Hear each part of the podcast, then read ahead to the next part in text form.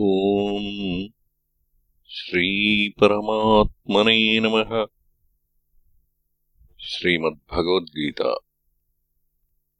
नवमोऽध्यायः। श्रीभगवान् उवाच। इदम् तु ते गुह्यतमम्। प्रवक्ष्याम्यनसूयवे। ज्ञानम् विज्ञानसहितम् यज्ञात्वा मोक्ष्यसे शुभात्। राजविद्या राजगुह्यम् पवित्रमिदमुत्तमम् प्रत्यक्षावगमम् धर्म्यम् सुसुखम् कर्तुमव्ययम् अश्रद्दधानाः पुरुषा धर्मस्यास्य परन्तप अप्राप्य माम् निवर्तन्ते मृत्युसंसारवर्त्मनि। मया ततमिदम् सर्वम् जगदव्यक्तमूर्तिना मत्स्थानि सर्वभूतानि न चाहम् तेष्वस्थितः। न च मत्स्थानि भूतानि पश्य मे योगमैश्वरम् भूतभृन्न च भूतस्थो ममात्मा भूतभावनः यथाकाशस्थितो नित्यम् वायुः सर्वत्र गोमहान्। तथा सर्वाणि भूतानि मत्स्थानीत्युपधारय। सर्वभूतानि कौन्तेय प्रकृतिम् यान्ति मामिकाम् कल्पक्षये पुनस्तानि कल्पादौ विसृजाम्यहम्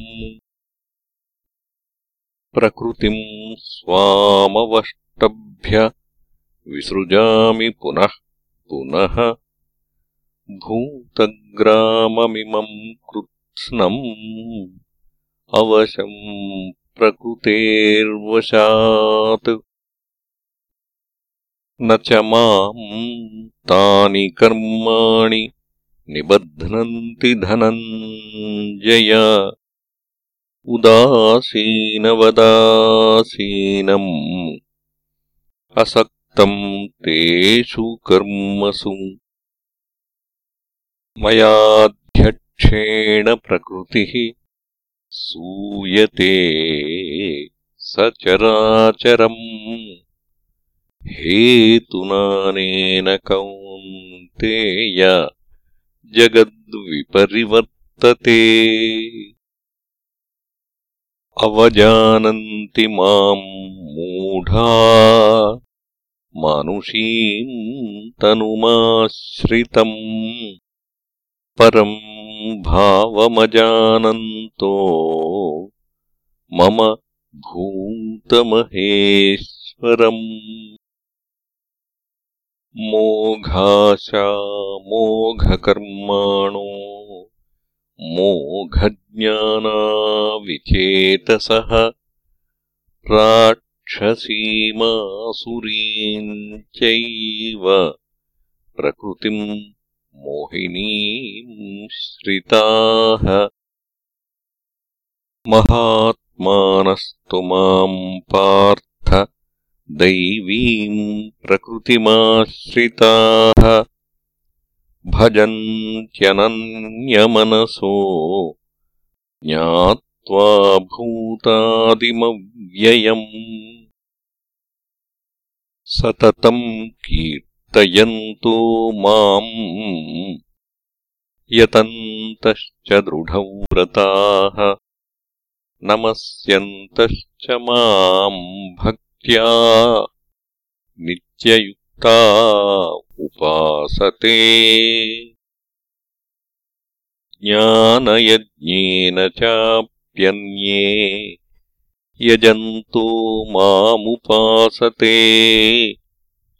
एकत्वेन पृथक्त्वेन बहुधा विश्वतो मुखम् अहम् क्रतुरहम् यज्ञः स्वधाहमहमौषधम् मन्त्रोऽहमहमेवाज्यम् अहमग्निरहम् हुतम् पिताहमस्य जगतो माता धाता पितामहः वेद्यम् पवित्रमोङ्काररुक्सामयजुरेव च। गतिर्भर्ता प्रभुः साक्षी। निवासः शरणम् सुहृत्। प्रभव प्रलयः स्थानम्। निधानम् बीजमव्ययम् तपाम्यहमहम् वर्षम् निगृह्णाम्युत्सृजामि च अमृतम् चैव मृत्युश्च सदसच्चाहमर्जुन। त्रैविद्या माम् सोमपाः पूतपापा यज्ञैरिष्ट्वा स्वर्गतिम् प्रार्थयन्ते। ते पुण्यमासाद्यसुरेन्द्रलोकम् अश्नन्ति दिव्यान् दिवि देवभोगान्। ते तम् भुक्त्वा स्वर्गलोकम् विशालम् क्षीणे पुण्ये मत्यलोकम् विशन्ति। एवम् त्रयी धर्ममनुप्रसन्ना गतागतम् कामकामालभन्ते। अनन्याश्चिन्तयन्तो माम् ये जनाः पर्युपासते। तेषाम् नित्याभियुक्तानाम् योगक्षेमम् वहाम्यहम्। येऽप्यन्यदेवता भक्ता यजन्ते श्रद्धयान्विताः तेऽपि मामेव कौन्तेय यजन्त्यविधिपूर्वकम्। अहम् हि सर्वयज्ञानाम् भोक्ता च प्रभुरेव च। न तु मामभिजानन्ति तत्त्वेनातश्च्यवन्ति ते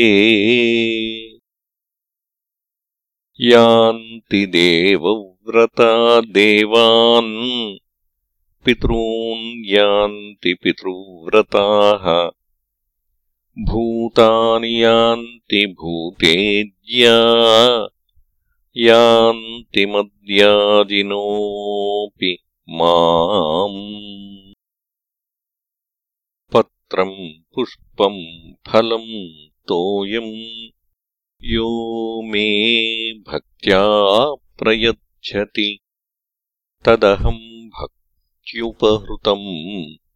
अश्नामि प्रयतात्मनः।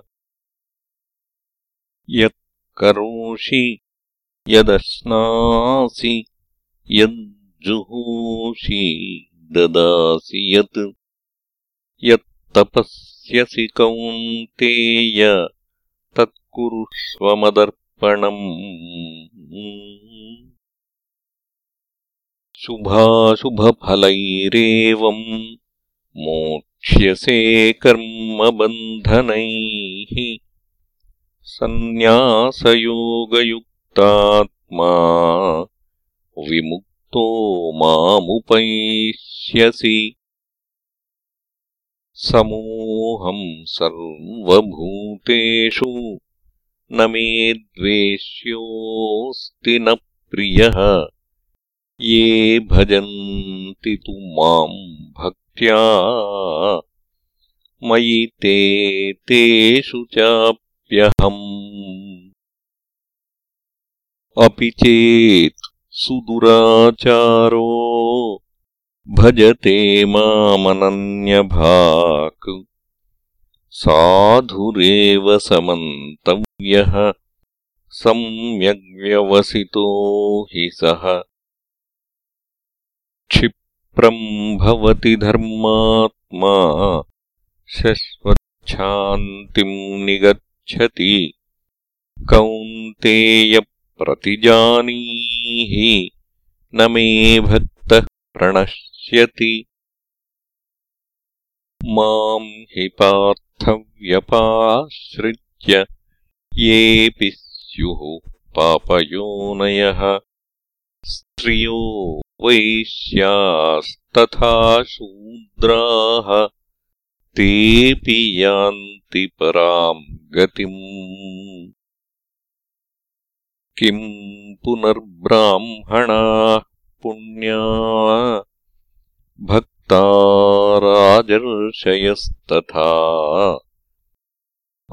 अनित्यमसुखम् लोकम् इमम् प्राप्य भजस्व माम्। मन्मनाभवमद्भक्तो मद्याजी माम् नमस्कुरु। मामेवैष्यसि युक्त्वैवम्। आत्मानम् मत्परायणः तत्सदिति श्रीमद्भगवद्गीतासूपनिषत्सु ब्रह्मविद्यायाम् योगशास्त्रे श्रीकृष्णार्जुनसंवादे राजविद्या राजगुह्ययोगो नाम नवमोऽध्यायः